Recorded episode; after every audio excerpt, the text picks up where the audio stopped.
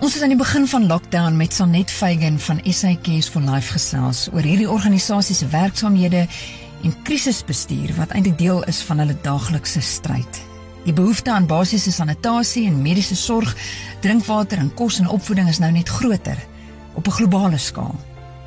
Sanet het vertel van die vinnige aanpassings wat hulle moes maak voor lockdown, die sinergie en samewerking met ander organisasies en kerke, containers wat blitsvinnig in tydelike mediese klinieke omskep is en hulle wasbakke wat hulle self maak om hande te kan was en soms dan ook werk te skep in die proses.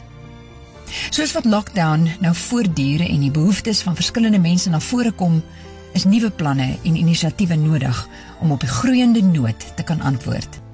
Sanet Feigen vertel ons meer.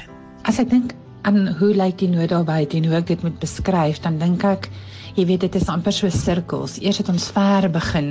So dit was groot gemeenskappe, plakkerskampe, groot groepe mense wat saam bly en eintlik al 'n hele rukkie lank swaar kry en wat al 'n hele rukkie lank onder mense se vlerke is. Jy weet ehm um, nie wensgewende organisasies wat vir hulle sorg of onder 'n kerk se vaande lê.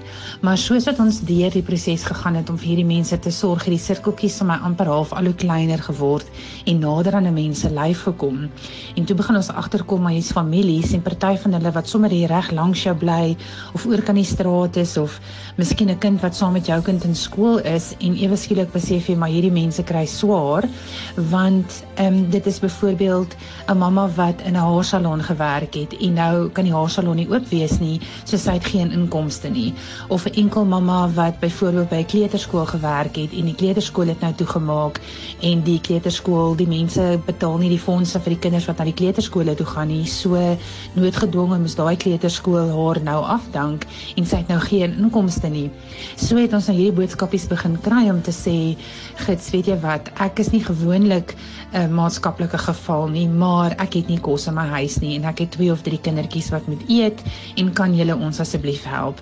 En dit was ons harte. Ons het besef hier's dalk families wat so 'n bietjie deur die krake val wat nie gewoonlik onder 'n sambreel van versorging is nie, maar hulle het definitief nou hulp nodig. En 'n mens voel oorweldig. Jy probeer die e-posse stuur, jy probeer mense kontak om jou te help met kos, maar dit is asof jy net nie gou genoeg 'n antwoord kan terugkry nie. En die ergste ding is as jy vanaand in jou kind se oë moet kyk en moet sê, "Maar mamma het nie veel kos nie." En dit is dit is wat aan ons hart geraak het en dadelik kon ons toe hande vat met Spar wat fantasties is en dit is die mense wat ons wil help. Ons hou dan natuurlik, jy weet ons het 'n proses. So ons maak seker dat hierdie kos regtig by die regte mense uitkom. Ons hou so 'n bietjie ehm um, jy weet notas oor hierdie mense want ons hart is om ook na die tyd opvolg te doen. Want wat ons ook gesien het is daai kos hou net so lank. So jy kan hierdie week iemand help, maar volgende week is hulle weer honger. So ons moet weer help. So elke keer as jy winkel toe gaan, kan jy maar weer ietsie in die waantjie sit want ons gaan dit weer nodig hê vir daai selfde families wat ons dan in hierdie proses gesit het, wat ons weet regtig in nood is en wat ons moet help. Spar Nasionaal het met die COVID Challenge begin om die grillerige slukke eier uitdaging te omskep in 'n positiewe en steeds prettige uitdaging waar die eiers saam met ander nie bederfbare produkte geskenk word aan behoeftige gesinne soos wat Sanet vir ons beskryf het. Rita Ingenbleek van Spar Northrand vertel ons meer. Spar Nasionaal het besluit om hierdie hele Spar COVID Challenge te begin um toe die hele spa daai egg challenge begin het op Facebook. Maar wat ons dan vir mense vra is om op 'n prettige manier dan eerder 'n uh, 6 eiertjies, 'n liter melk, 'n kilogram mieliemeel te koop, dit voor in die spar in 'n trolly te te skenk sodat ons dit dan vir behoeftige mense kan gee.